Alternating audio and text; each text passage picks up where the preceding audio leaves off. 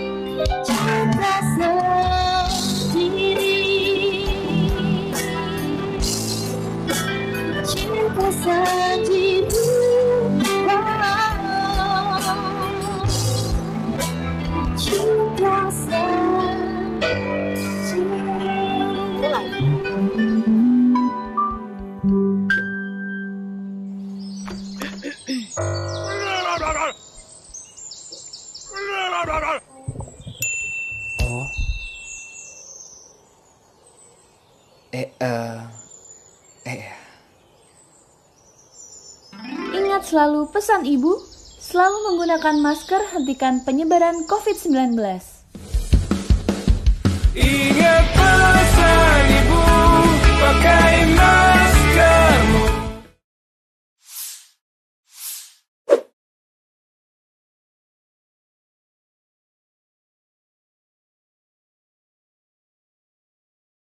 Sore hari ini, senang sekali pastinya boleh kembali menyapa para seluruh joki yang bergabung di YouTube dan juga Instagram Kominfo DIY dan juga di YouTube Jogja Istimewa TV. Boleh biar lebih semangat kita kasih tepuk tangan dulu buat kita semuanya sore hari ini. Oke, semangat pastinya sore hari ini senang sekali kembali menyapa para seluruh Jogja yang masih semangat dan juga berharap pasti tetap sehat dan juga tetap produktif walaupun di rumah aja. Selamat bergabung buat kita semuanya kembali lagi di podcast Aroh-Aroh Diskominfo DIY. Nah, tentunya sore hari ini menyapa seluruh Jogja di mana pun Anda berada. Kami ingin kembali mengajak para seluruh Jogja untuk boleh ngobrol bareng. Kali ini kita akan mengajak Anda untuk bisa nantinya sharing seputar bagaimana kita bisa melawan pandemi dan juga terus menciptakan inovasi.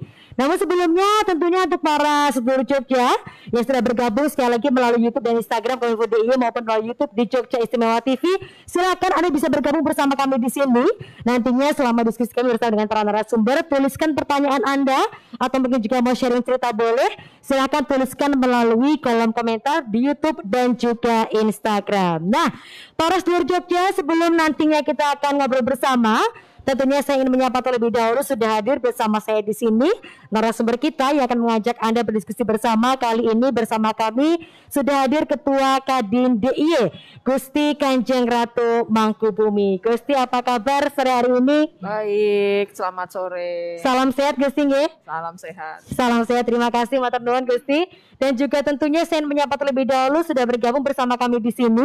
Beliau anggota Komisi A DPRD DIY ada Dr. R. Stefanus Christian Handoko, Eskom MM. Bapak atau Mas Stefanus saya boleh menyapa ini? Manggil Mas aja deh. Mas aja ya, biar lebih milenial makanya. Kabar baik Mas Stefanus? Kabar baik. Kabar Sehat. baik, sehat ya? Salam baik. sehat juga. Salam sehat juga, terima kasih. Dan juga sekali lagi pastinya para seluruh Jogja kami masih menunggu Anda untuk boleh bergabung bersama kami di sini. Silahkan nantinya Anda bisa menuliskan pertanyaan Anda melalui kolom komentar di YouTube dan juga Instagram.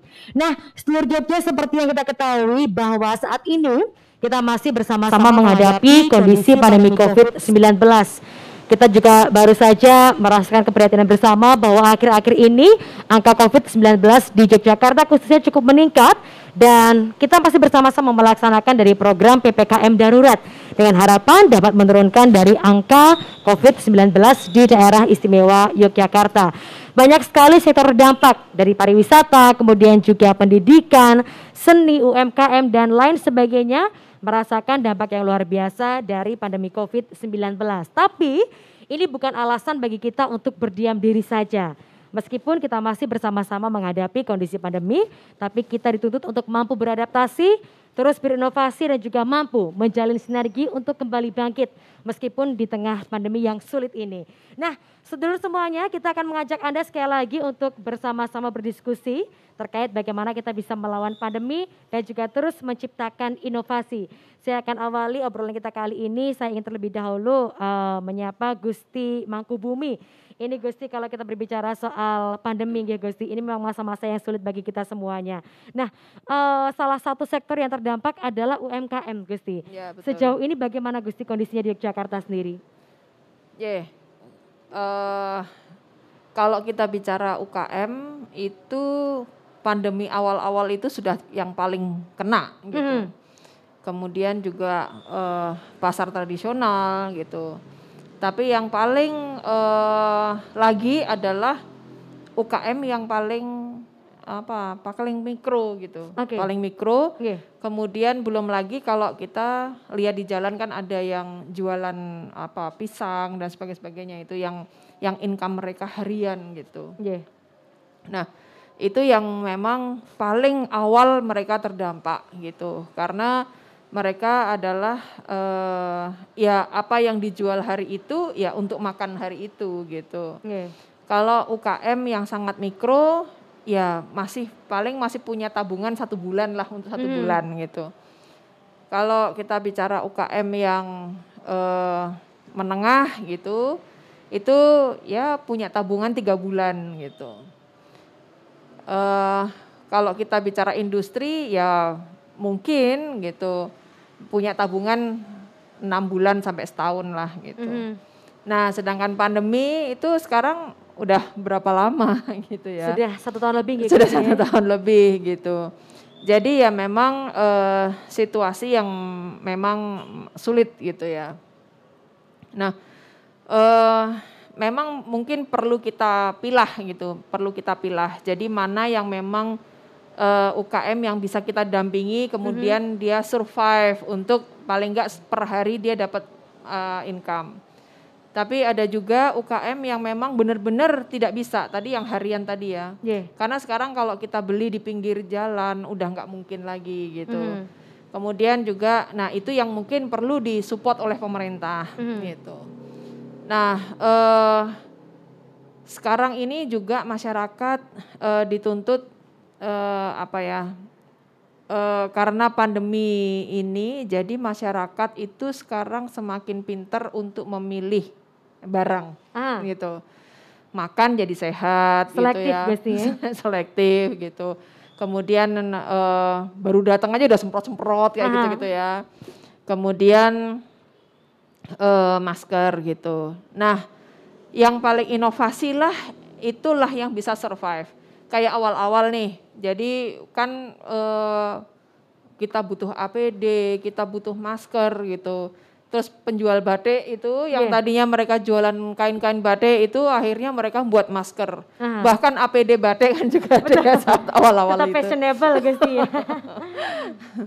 Nah, itu kan juga eh, nah hal-hal yang memang mereka bisa langsung me- apa ya, mengalihkan produk mereka itu yang memang bisa survive. Mhm. Kemudian banyak juga eh, yang eh, selama ini jualannya jasa, Aha. kemudian langsung beralih saat itu menjadi apa makanan Aha. sempet kan semuanya Ah, makanan betul. karena yang dibutuhkan adalah makanan Betul. gitu makanan masker APD saat itu ya Iya. itu bisa dikatakan berapa lama tuh Nah, hampir enam bulan eh, tiga empat empat bulan ya itu ya itu banyak sekali yang langsung itu ya itulah yang mereka bisa survive bisa inovasi dan bisa survive gitu Aha.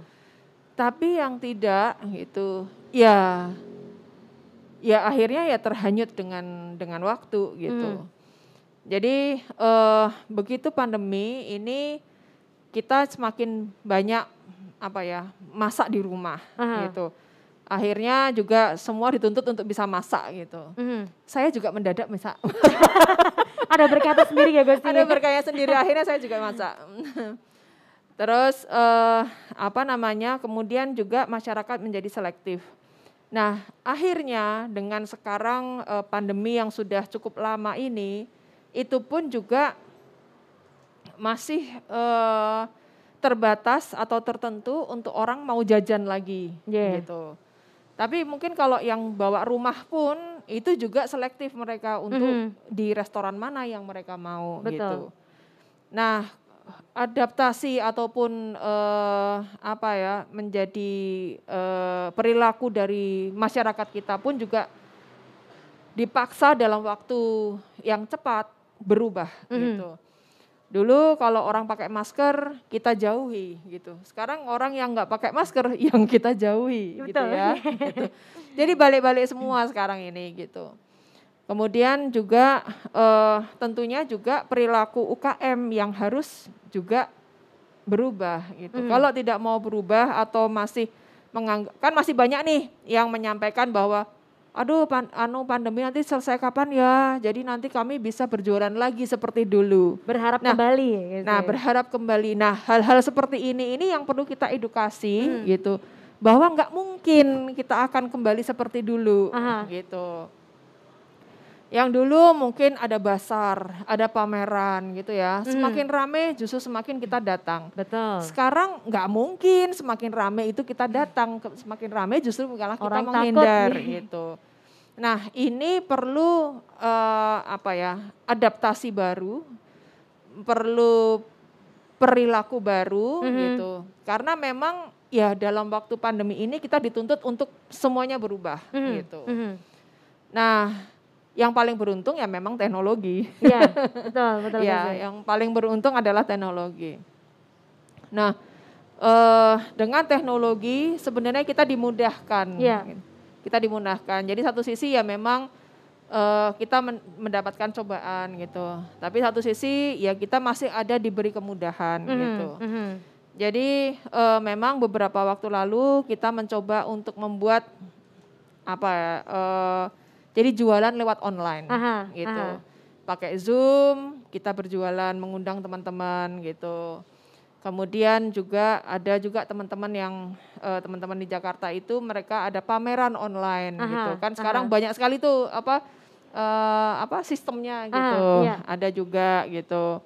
Jadi ini dimanfaatkan juga bagi teman-teman. Mhm. Tapi itu buat yang UKM menengah ke atas nih, yang Oke. memang mengerti gitu. Aha. Tapi kalau UKM yang menengah ke bawah, menengah lah itu, ya itu yang biasanya terus lewat Zoom, Mhm, jualan gitu. Kemudian kan ada juga yang media sosial yang pakai apa tuh eh apa bahasanya yang online kayak Facebook online Aha. atau jualan di Instagram kayak gitu-gitu ya Aha. gitu. Itu juga bisa digunakan Aha, gitu. Pemanfaatan media sosial gitu. Betul. Nah, cuma kalau yang itu tadi, yang jualannya harian, pisang, apa yang biasanya mereka di pinggir jalan, buah ya utamanya. Nah, ini yang memang perlu berkolaborasi dengan eh, teknologi Mhm. gitu. Agar dagangan mereka juga bisa jalan Oke, gitu. Oke. Nah, kebetulan saya itu kan di apa namanya di satu organisasi yang di bawah BKKBN juga itu Mhm. yang memang eh apa ya mendampingi UKM gitu. Nah, eh keba- kebanyakan itu ibu-ibu yang punya eh, usaha, Usaha. gitu. Jadi saya minta juga anaknya atau cucunya yang bantu gitu. Iya. Jadi buat branding, kemudian masukin ke Instagram dan Aha. sebagainya gitu untuk supaya mereka bisa survive. gitu. Aha. Nah, hal-hal seperti ini memang perlu inovasi. Aha. Artinya begini Gusti ya, yang bisa bertahan saat ini adalah mereka yang mau beradaptasi dan juga bisa Betul. berinovasi. Begitu Ya, Gusti. memang harus eh, apa ya secepat kilat lah Iya. gitu ya, secepat secepat kilat berubah untuk eh, supaya mereka bisa survive. Aha, gitu. oke, baik Matur Gitu. nuwun Gusti Ya. Mangkubumi. Tadi eh, menarik sekali bahwa memang eh, yang bisa bertahan saat ini adalah mereka yang bisa berinovasi. Nah, berbicara soal inovasi nih, mungkin dari Mas Stefanus. Kira-kira inovasi seperti apa sih Mas Stefanus yang bisa kita lakukan saat ini Hmm. atau barangkali yang sudah dilakukan dan masih bisa terus dioptimalkan? Oke. Jadi kalau kita ngelihat perkembangan inovasi terkait dengan media online kan udah cukup lama ya. Ah, Jadi beberapa tahun lalu kalau kita perhatikan sebelum pandemi nih, aha, perkembangan internet sebenarnya di Indonesia belum belum lama ya, aha, belum begitu lama. Eh, baru beberapa beberapa tahun saja gitu internet cukup kencang gitu. Sebagai contoh, ketika kita bicara mengenai ojek online gitu Ya. kan, semakin merambah ketika wilayah itu eh, internetnya cukup baik, Betul. gitu kan. Ketika internetnya cukup baik, jaringan eh, telekomunikasinya baik, maka inovasi-inovasi di daerah itu semakin cepat. Jadi kalau kita ngelihat di Jogja lagi, baik lagi gitu kan, eh, untuk wilayah DIY gitu, secara infrastruktur jaringan telekomunikasinya cukup baik. aha, Hampir semua operator ada di eh, di Yogyakarta. Jadi jaringan internet cukup eh, cukup baik lah. Dan supporting dari pemerintah daerah terkait dengan pengembangan jaringan juga cukup baik. Jadi itu membantu ekosistem mhm, ekosistem teknologi, ekosistem uh, digital berkembang juga. Dan kalau kita ngelihat Jogja itu nggak hanya dikenal sebagai kota pendidikan, tapi Aha. banyak pemain digital Oke. yang berkembang di di Yogyakarta gitu. Anak-anak mudanya juga kreatif-kreatif gitu. mhm, Terus kembali lagi kepada kondisi apa uh, mendekati pandemi, ya, kita nggak pernah menyangka nih akan ada pandemi di 2019 20. akhir gitu kan. mhm, Uh, di 2019 uh, DPRD DIY itu membuat perda, oke, perda terkait dengan uh, pengelolaan dan pemanfaatan teknologi informasi dan komunikasi. baik, Jadi perda itu menjadi acuan atau menjadi cantolan ya untuk dinas-dinas terkait atau hampir semua dinas di di DIY untuk menjadikan apa ya acuan untuk membuat program dan kegiatan yang mendorong Mhm. mendorong ke arah digitalisasi gitu uh, menuju ke arah ke sana gitu. Tapi kalau kita balik lagi ke masa yang agak agak ke belakang ya, kita sangat berterima kasih kepada Pak Gubernur. Aha. 2006 sebelum Pak Ridwan Kamil bicara mengenai Bandung Smart City-nya, Baik. Jawa Barat gitu kan. Pak Ganjar bicara mengenai Jawa Tengah Smart Province-nya, Aha. Pak Ahok juga. Pak Gubernur kita itu sudah bicara mengenai blueprint Oke. Jogja Cyber Province jauh sekali. Aha. Aha. Dan perkembangannya eh, di 2019 ini muncul rencana aksi, rencana kerja di- di- dituangkan dalam pergub terkait dengan bagaimana mengembangkan Jogja Smart Province itu. Baik. Dan kita sebagai anggota dewan juga eh, kita perlu dukung ini, Betul. perlu dukung bahwa kita nggak bisa jalan sendiri-sendiri pemerintah dengan DPRD nggak bisa jalan sendiri-sendiri tapi Ya. sinergi. Ya. Dan maka dikeluarkan di, di, di 2019 itu perda terkait dengan pengelolaan dan pemanfaatan tekno- teknologi informasi dan komunikasi. Oke. Kalau kaitannya dengan kondisi sekarang pandemi, kita bisa melihat ada program dari Dinas Koperasi Sibakul. Mhm. Itu kan berbasiskan teknologi. Mhm. Kemudian kalau kita ngelihat kesehatan, kita bisa ngelihat bahwa vaksinasi jumlahnya berapa. Nanti sore sekitar jam 4 ada update Ah. berapa jumlah paparan, berapa yang sembuh. Baik. Itu berbasiskan data digital juga. Aha. Dan itu bersinergi nggak hanya berdiri dinas kesehatan, tapi Ah. ada kominfo juga. Oke. Nah, di belakang itu ada kominfo yang juga membantu semua dinas. Mhm. Dan kalau terkait dengan bagaimana eh, masyarakat harus beradaptasi Ya. dengan kondisi eh, kondisi semacam ini, kita nggak bisa nggak bisa enggak. Kita harus beradaptasi. Mau tidak mau ya Mas mau ya? nggak mau beradaptasi terkait dengan pemahaman teknologi. Ya. Yang kedua terkait dengan pemahaman bisnis model. Mhm. bisnis modelnya sudah berubah. Kalau dulu kalau kita bicara kembali lagi ojek online gitu, ah nggak mungkin lah ojek online mengalahkan kayak Bluebird, Ya. kayak Express, nggak mungkin lah gitu. Ternyata. ternyata ya, yang lawan-lawan kayak Express gulung tikar. Mhm. Bluebird mau nggak mau dia beradaptasi, Mhm. ya kan? Dan semua kayaknya kalau kita bicara apalagi ditambah dengan pandemi ya, dulu dengan hanya adanya uh, bisnis model yang berubah, teknologi yang berkembang cepat, mau nggak mau semua industri harus bergeser. Makanya Ya. ada uh, revolusi industri 4.0. Ya.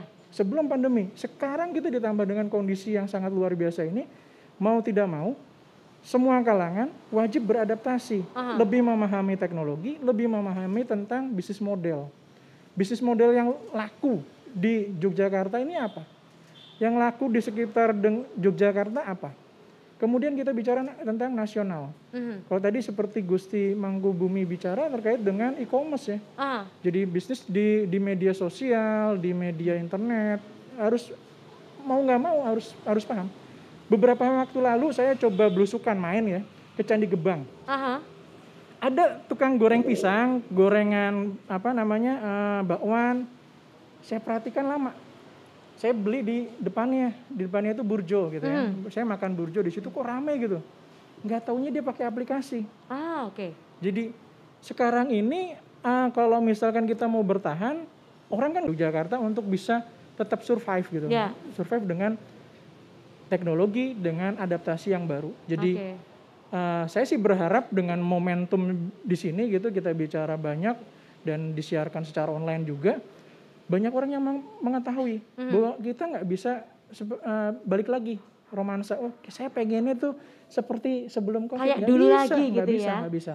Oke. Kita harus berinovasi bagaimana produk yang kita jual itu bukan hanya disukai oleh market DIY, Oke. tapi juga kita harus lebih luas. Kenapa bisa seperti itu? Karena dengan Hmm. media Pemasarannya, online, ya. dengan media online kita bisa merambah area yang lebih Jangkauannya luas. lebih luas ya, Mas ya. Betul, kayak misalnya tadi dicontohkan tentang masker batik gitu. Mhm. Ketika diposting di uh, Facebook uh, Facebook Ad atau di Instagram, jualan di Instagram atau di e-commerce yang lain, Tokopedia Mhm. contohnya, Bukalapak, Mhm. kemudian Shopee. Itu produk bisa bisa bisa di apa namanya dijual melebihi dari area yang kita bayangkan. Ya, Bisa aja dibeli oleh orang Papua, bisa dibeli oleh orang Kalimantan. betul. Jadi kuncinya adalah bagaimana UMKM, bagaimana masyarakat di DIY itu bisa beradaptasi dengan teknologi, belajar, Aha, ya. mau belajar. Kemudian, Pak, saya sudah jualan online. Begitu ketika saya waktu belusukan di masyarakat sosialisasi, Aha. Pak, saya sudah jualan online tapi ora payu, Pak. Oke. Piye iki?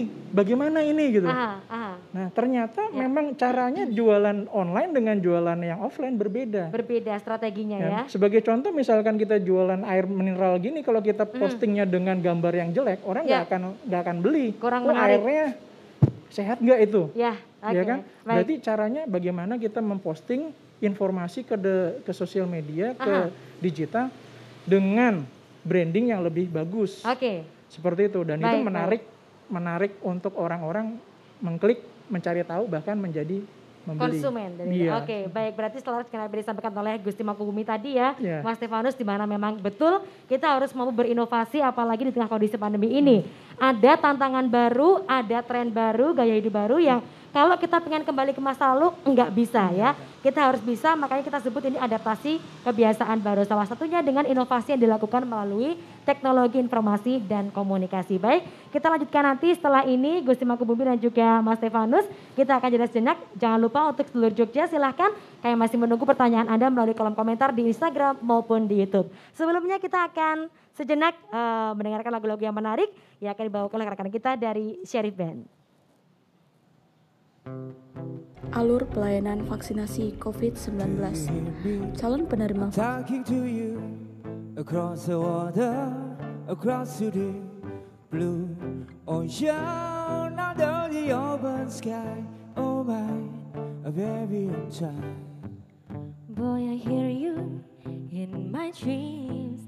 I feel you whisper across the sea. Keep you with me in my heart. You make it easier when love gets hard. Lucky I'm in love with my best friend. Lucky to have him where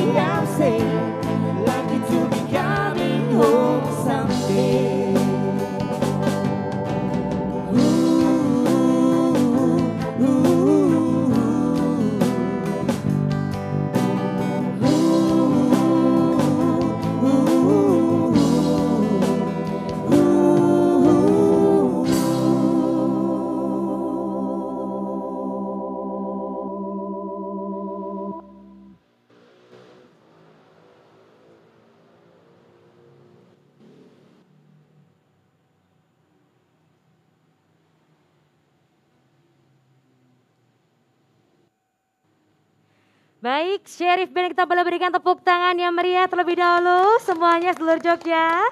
Luar biasa menambah semangat kita sore hari ini ya pastinya. Terima kasih untuk semua seluruh Jogja yang masih bersama kami di sini, yang masih menyaksikan melalui YouTube dan Instagram Kominfo DIY maupun juga melalui YouTube Jogja Istimewa TV. Silakan, kami masih menunggu tuliskan pertanyaan Anda di kolom komentar podcast Arah-Arah Diskominfo DIY kali ini. Baik kembali lagi ke Gusti Mangkubumi masih seputar inovasi tadi Gusti nggih. Nah sejauh ini Gusti, inovasi seperti apa Gusti yang sudah dilakukan dari Kadin DIY untuk dapat mendukung terutama para pelaku UMKM dan juga terkait dengan pemanfaatan teknologi informasi dan komunikasi tadi Gusti? Ya, eh, kita bekerja sama dengan dinas koperasi. Mhm. Karena kita menginginkan jadi data semua UKM kan selama ini itu kan tidak pernah ada data yang valid ya. Seberapa banyak sih UKM yang ada di Jogja ini Mhm. gitu. Kan selalu bilangnya ya Jogja adalah tempatnya UKM gitu. Aha. Tapi kalau di data itu bukan menjadi eh, sentranya UKM gitu Aha. karena data itu sangat sedikit, yang lapor itu sangat sedikit gitu. Nah makanya sejak awal kita memang eh, berkolaborasi dengan dinas koperasi dan kita mengajak para UKM itu agar data mereka itu atau mereka itu lapor kepada dinas koperasi. Aha. Jadi supaya dinas koperasi ini punya data valid seberapa besar sebenarnya UKM, kemudian apa aja sih sebenarnya yang dibutuhkan oleh UKM Mhm. gitu. Em, pelatihan, mungkin butuh alat tepat guna kan Aha. gitu.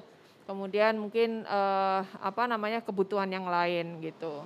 Kan toh juga tadi seperti kata Mas Stefanus bahwa ada apa eh, Sibakul ya, program Sibakul gitu. Nah, Sibakul sendiri kan juga dinas koperasi bekerjasama dengan BPDDIY gitu. Jadi mungkin untuk modal, untuk pelatihan itu lebih mudah lah untuk mereka me- apa mengakses gitu. Mhm. Nah, awal-awal itu memang kita apa ya kalau menghimbau para UKM itu ayo masukkan data, lapor kalian itu Aha. gitu. Tapi dari situ jadi akhirnya memang sampai hari ini belum semua Ya. gitu. Karena kadang-kadang eh, mereka terkendala itu loh apa namanya administrasinya itu loh kayak harus lapor pajak, harus Baik. apa. Nah, kayak gitu-gitu tuh biasanya NPWP aja sulit Ya. gitu buat mereka. Ya, selalu bahasanya loh, kita ini UKM, kenapa harus NPWP? Loh, punyain punya has, apa, eh, laku 500 ribu aja juga sebenarnya perlu lapor gitu Aha. meskipun nanti mau pajaknya nol mau pajaknya ini, tapi kan tetap harus punya gitu. Betul. Nah ini mungkin eh, dari situ jadi kita tahu bahwa UKM ini perlu diedukasi Oke. tertib untuk eh, apa administrasi, tertib untuk laporan Mhm. gitu harus punya ini. Jadi ternyata ya kebutuhan mereka sendiri pun juga masih perlu banyak sekali revisi. Aha. Nah kemudian juga eh, pameran bersama sempat kita juga dari Kadin, kemudian dinas koperasi, kemudian sama teman-teman gitu kita membuat itu online juga gitu.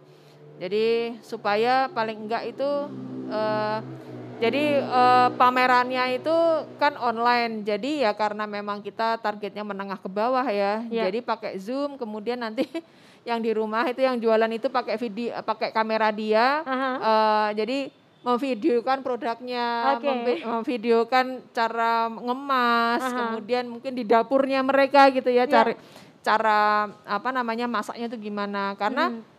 Hal itu ternyata sekarang itu dibutuhkan Ya. gitu.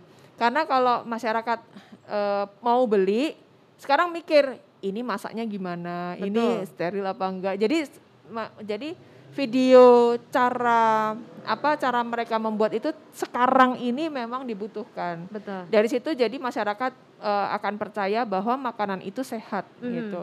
Nah hal-hal seperti ini kan dulu nggak pernah gitu Ya, kan. ya. Pokoknya yang penting packagingnya bagus aja Ah. gitu. Nah eh, apa namanya? Jadi edukasi yang kecil-kecil sampai yang besar itu ternyata untuk UKM itu perlu Mhm, gitu. mhm. Jadi kami baik dari Kadin, dari Dinas Koperasi selalu menyerukan bahwa ayo kita bersama-sama Mhm, gitu. mhm. Nah, eh, kemudian juga ada program apa namanya di koperasi itu eh, bebas ongkir kayak gitu-gitu. Ya. Jadi bebas ongkir itu supaya untuk jadi order kepada para UKM Ah, gitu. menjembatani begitu gitu ya? Menjembatani gitu. Nah, ini juga menjadi salah satu alternatif gitu. Kemudian juga kita menyerukan bahwa sekarang kan kebutuhannya adalah makanan. Mhm. Bi- Bisa makanan eh yang mateng, bisa Aha. makanan yang dimasak di rumah itu loh, Aha. yang frozen, Frozen itu kan food ya berarti frozen ya. food sekarang juga banyak. Tapi yang selalu diserukan adalah makanan itu packagingnya harus safe, safe. Aha. Kemudian juga kualitasnya juga harus benar-benar sehat Mhm. gitu. Mhm. Gitu. Jadi edukasi memang perlu terus memang perlu di apa ya terus di disuarakan agar UKM sendiri juga tidak hanya sekedar mereka berubah Ya. gitu, tapi kualitas itu juga harus bisa terjamin. Oke, baik. Bah, Berarti Gusti ya ketika kita berbicara soal teknologi informasi komunikasi, bukan sekedar fasilitas saja, bukan sekedar infrastruktur yang terus dibangun, tapi juga SDM yang perlu kita edukasi ya. Karena artinya uh, upaya yang dilakukan ini tidak akan menjadi berarti kalau masyarakat sendiri tidak punya keinginan, dorongan untuk uh, selangkah lebih maju menggunakan teknologi tersebut ya. Baik, terima kasih Gusti Mangkubumi. Nah dari Mas Stefanus nih, kira-kira Mas tadi disampaikan juga Gusti Mangkubumi bahwa ternyata SDM-nya perlu kita gebrak lagi gitu ya supaya punya keinginan untuk belajar terkait dengan pemanfaatan teknologi informasi komunikasi. Nah, kira-kira tantangannya sejauh ini seperti apa sih Mas Stefanus dan apa yang bisa kita lakukan untuk bisa mengajak lebih banyak masyarakat pelaku UMKM terutama untuk bisa memanfaatkan TIK ini media sosial dengan bijak dengan baik termasuk untuk mendukung sektor usaha mereka, Mas. Jadi kalau kita bicara internet yang zaman dulu kan kita aksesnya susah, Aha. mahal. Sekarang sebenarnya segala macam informasi terkait dengan bagaimana cara kita membuat sesuatu banyak. Hmm. Bagaimana kita mempelajari bagaimana barang ini bisa laku dijual juga di internet, di YouTube juga banyak. Aha. Jadi kita bisa bisa sebenarnya kalau kita memiliki kemauan untuk berusaha beradaptasi gitu, Aha. di internet itu banyak banyak informasi yang bisa kita gali Oke. Ter- terkait dengan bagaimana kita bisa berjualan online yang baik gitu kan. Mhm. Bagaimana kita mulai dari memproduksi, memasarkan dan memasarkannya juga pakai strategi yang sesuai dengan uh, marketnya. Oke. Kan nggak bisa kita pakai strategi yang sama ketika marketnya berbeda. Aha. Dan kalau kita bicara marketnya sekarang udah masuk ke dunia digital, maka bagaimana kita membranding produk itu menjadi sangat menarik gitu. Produk yang menarik itu dan itu di di internet banyak. Mhm. Dan kalau kita bicara mengenai program yang dilakukan oleh apa namanya kawan-kawan di DPRD dan pemerintah eh, yang setahu saya hingga saat ini gitu anggaran yang di apa digunakan untuk pemanfaatan edukasi itu juga lumayan dinas-dinas terkait juga di apa namanya digelontorkan anggaran itu dan anggota, anggota dewan semuanya juga setuju Mhm. bahwa alokasi untuk literasi digital, alokasi untuk edukasi terkait dengan bagaimana beradaptasi di kondisi saat ini juga uh, didukung penuh oleh teman-teman di DPRD gitu. Jadi buat masyarakat yang ingin tahu tentang bagaimana strategi marketing sekarang lebih lebih banyak diakses gitu kan. Hampir karena semua orang sekarang bermain beradaptasi di dunia digital. Ya. Jadi mau nggak mau mereka juga harus ke sana gitu. Mhm. Jadi eh, dengan dukungan apa eh, pemerintah, dukungan kawan-kawan dari eh, startup gitu Ya. kan, yang di Kakon eh, yang yang lebih besar gitu ya, itu juga membantu teman-teman eh, UMKM, eh, teman-teman di di apa mikro juga untuk bisa beradaptasi gitu dengan situasi ini. Oke. Sebenarnya nggak bisa, nggak wajib gitu. Jadi kalau mau bertahan ya harus bisa beradaptasi. Apa pun barang dagangan ya Aha. barang dagangannya sebisa mungkin untuk bisa dipasarkan melalui digital Oke. gitu. Misalkan Pak, saya ini barang nih kita nggak barang jasa kita nggak bisa ditawarkan secara digital. Contohnya eh, tambal ban gitu ya. Katanya ada yang bilang kok nggak bisa. Sebenarnya bisa. Jasanya kan tinggal posting kalau ada ada area 5 km dari titik itu, Aha. kalau ada ada apa kebocoran, tukang tambal ban yang datang itu Ya. kan bentuk cara beradaptasi. Kalau menungguin terus di lokasi yang ditutup ujung sini sama ujung sini karena ppkm, Betul. dia jualan di sini. Dia nggak akan dapat dapat ap- jasa Customer, iya, tidak ada yang customer, karena jalannya saja ya. ditutup tapi dia harus berinovasi apa caranya ya posting di Facebook posting di Instagram atau Aha. posting di di grup-grup di Facebook di apa eh, banyak kan Aha. grup Facebook gitu. Supaya Posting. orang tahu. supaya kalau orang ada. tahu kalau di area tertentu ada jasa tambal ban. Itu salah Betul. satu contohnya. Kalau misalkan pengen tadi kembali lagi pisang goreng gitu ya. Hmm.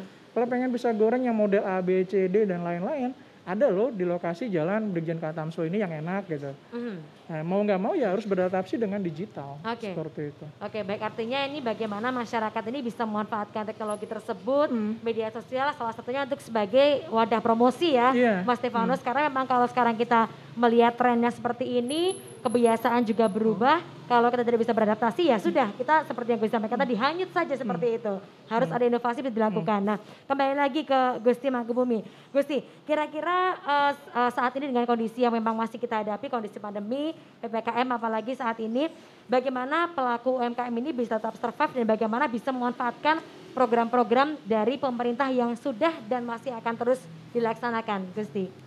Ya, mungkin dari kalau dari sisi pemerintah itu mungkin masih perlu sosialisasi sampai ke masyarakat yang paling paling ujung, Aha. gitu, paling eh, di di tingkat desa gitu. Hmm. Karena kadang-kadang dan eh, itu tuh sosialisasi dari pemerintah itu masih kurang, jadi sampai hanya di middle gitu, belum sampai benar-benar yang ke bawah Hmm. gitu. Itu kemudian eh, mungkin bisa dibentuk dalam situasi seperti ini ya bisa dibentuk suatu kelompok-kelompok ya Baik. kelompok-kelompok UKM gitu mungkin dimoderatori oleh mungkin di tingkat RT umpamanya gitu ya terus mungkin ada apa ya ada anak muda lah yang menjadi tokohnya gitu ya untuk Aha. membantu di tingkat RT itu gitu nah ini bisa menjadi apa ya suatu apa ya eh, gotong royong ya sifat Ya. gotong royong gitu jadi ada anak muda menjadi leader di situ untuk mereka mengkoordinasi eh, apa namanya pokoknya kita mulai aja lah dari tingkat RT gitu nggak usah yang apa banyak-banyak gitu Aha. Nah, mungkin dari situ bisa membantu UKM apa yang ada di situ gitu. Kayak sekarang lah, sekarang kan juga dihimbau ada Pok Darwis ya di setiap kelurahan gitu. Nah, ini Aha. sangat menolong Aha. gitu. Ya contoh lah di kelurahan saya gitu ya. Itu kan ada homestay, ada eh apa kafe, kemudian ada yang jualan dorongan, ada yang pagi, siang, sore, eh, malam gitu ya, ada jual bakmi. Aha. Nah ini bagaimana mereka juga membantu gitu loh, membantu di wilayahnya masing-masing ini untuk bisa ayo survive bareng-bareng Ya. gitu. Kalau seandainya Pak buat med- media sosial ya, oh mboten ngerti piye carane kan gitu gitu ya. Nah, tapi Pok Darwis itu atau mungkin ada yang leader gitu ya, yang memang membantu untuk eh, apa membuat media sosial membantu untuk mereka bisa berjualan Aha. gitu. Nah, hal-hal seperti ini sekarang ini dibutuhkan Ya. gitu ya, supaya eh harus ada yang narik memang Betul. karena yang narik itu yang muda biasanya gitu ya. Yang narik yang muda. Jadi ayo kita menjadi apa namanya eh, mencetak seperti ini gitu. Aha, aha. Nah, setelah ini tentunya juga tahapan dari dinas apabila sudah ada tadi leadership leadership ini Aha. Nah, dari pemerintah mungkin support dari DPR juga untuk ayo digenjot pelatihan Aha, aha. standar kualitas makanan, bagaimana eh, manajemen yang baik Aha. kayak gitu-gitu ya Hmm. untuk supaya eh, apa namanya produk mereka ini bisa Diketahui setidaknya Gusti. eh, ya. tidak hanya diketahui tapi produk mereka sekarang bisa diaksep, bisa Oke. diterima oleh masyarakat yang sekarang. Termasuk yang selektif tadi itu ya Gusti. Iya kan masa pandemi pasti udah akan berubah kan Betul, eh, kriterianya kualitas Aha. yang dituntut oleh masyarakat kan sudah berubah. Aha. Jadi harus se- sesuai dengan standar kekinian. Ya. Nah, gitu. Oke. Nah, kemudian juga tentunya eh, kalau sudah bangkit ya kemudian pandemi sudah selesai, jangan terus ini ditinggalkan, tapi Aha. bagaimana terus di up terus di up terus agar produk mereka produk mereka itu tidak hanya hanya ber, apa disetor di warung, Aha. disetor di minimarket kayak gitu. Aha. Tapi bagaimana yuk kita sama-sama tingkatkan ekspor eh, apa namanya Jogja ini ke internasional Oke, gitu. oke. Kita sudah punya airport yang bagus gitu ya. Punya kargo yang cukup besar kok, Ya. eh, kapasitasnya. Ayo kita pergunakan, kita dorong eh, apa ekspor untuk eh, apa namanya untuk bisa lebih banyak gitu. Oke, baik. Itu, Pak. Apalagi kalau kita melihat Jogja sebenarnya punya banyak sekali ya Gusti produk-produk artisan yang memang sebenarnya otentik sekali, signature Betul. yang mungkin punya peluang di luar negeri sana ya Gusti ya. Iya, iya. Oke, baik terima kasih Gusti. Nah mungkin sebelum kita akhiri obrolan kita kali ini, singkat saja mungkin dari Mas Stefanus, apa yang menjadi harapan untuk para pelaku UMKM terutama untuk tetap bisa survive di tengah kondisi pandemi saat ini? Silakan. Oke.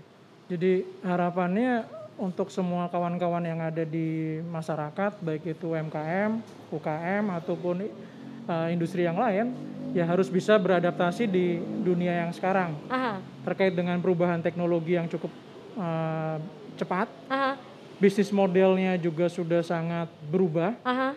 Karena kita tidak bisa uh, mengikuti dengan bisnis model yang konvensional mhm, karena uh, teknologi mengubah cara kita berbisnis ya. Ya, Kemudian ditambah lagi karena kondisi pandemi ini banyak hal yang yang menuntut perubahan. mhm, Seperti yang disampaikan tadi Gusti Mangkubumi terkait dengan kriteria terkait dengan produk ataupun jasa juga su- sudah berubah.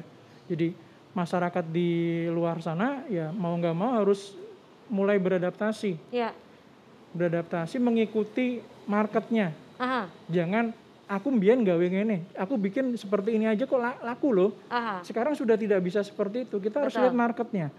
Masyarakat menginginkan kriteria A, B, C, D ya kita ikutin. Kemudian cara pemasarannya, wah dulu aku cuma jualan di di sini, datang kok pembelinya. Sekarang tidak seperti itu karena dengan adanya pandemi mau nggak mau uh, apa namanya customer minta dipermudah Ya, melalui apa? Melalui teknologi. Ada banyak ojek online yang bisa membantu ataupun eh, apa namanya aplikasi logistik yang bisa membantu juga untuk mengantarkan dari satu titik ke titik yang lain. oke. Jadi kuncinya adalah memahami eh, pemanfaatan teknologi. Aha. Siapa pun juga sekarang harus bisa paham itu gitu.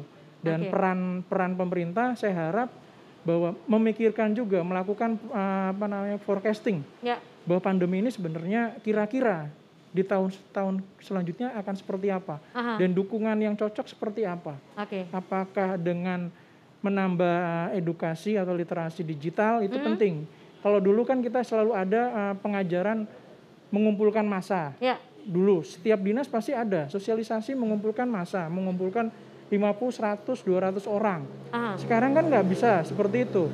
Artinya berarti diperlukan suatu platform eh, yang bisa membantu masyarakat untuk belajar. oke. Tidak perlu harus hadir, Ya, tapi juga bisa mengakses. Misalkan dinas koperasi pengen mengajari tentang bagaimana sih bikin koperasi. oke. Undang-undang Cipta Kerja juga kan sudah mempermudah proses pembuatan koperasi. Jadi oh, informasi itu harus disampaikan. Jadi Ya. orang-orang yang ada di di masyarakat di kampung-kampung itu, ah, aku bisa loh bikin bikin koperasi dengan cara lebih mudah Oke. dengan membaca akses di websitenya dinas koperasi dan seterusnya. Oke. Ya, baik. Dan Kominfo Ya, eh, yang memiliki apa namanya eh, peran di ujung di ujung itu ya mau nggak Ah. mau dia harus eh, apa namanya ber- berperan cukup keras untuk Ya. bisa mengedukasi eh, kawan-kawan di masyarakat untuk Oke. eh, mengadaptasi teknologi yang sudah sangat berubah ini. baik. Terkait dengan pemanfaatan teknologi itu sendiri ya, Iya, Mas. Stefanus. Hmm. Baik, terima kasih. Dari Gusti Makubumi, singkat saja Gusti harapannya seperti apa, monggo?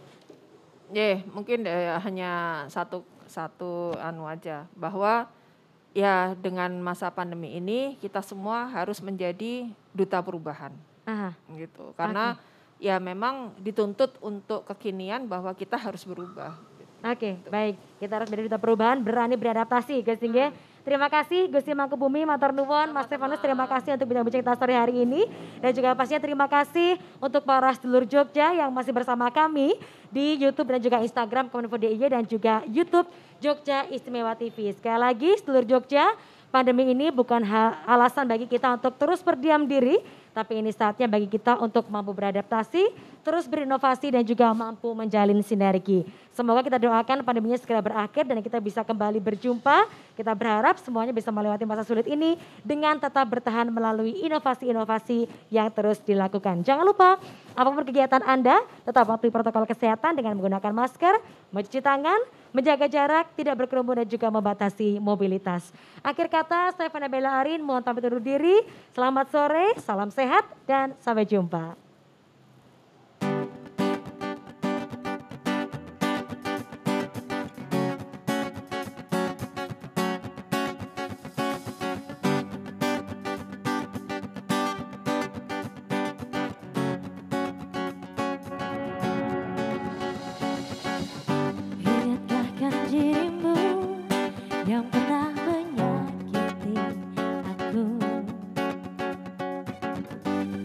kecewakan aku Tapi ku maafkan salahmu. Kini berganti kisah Menyakiti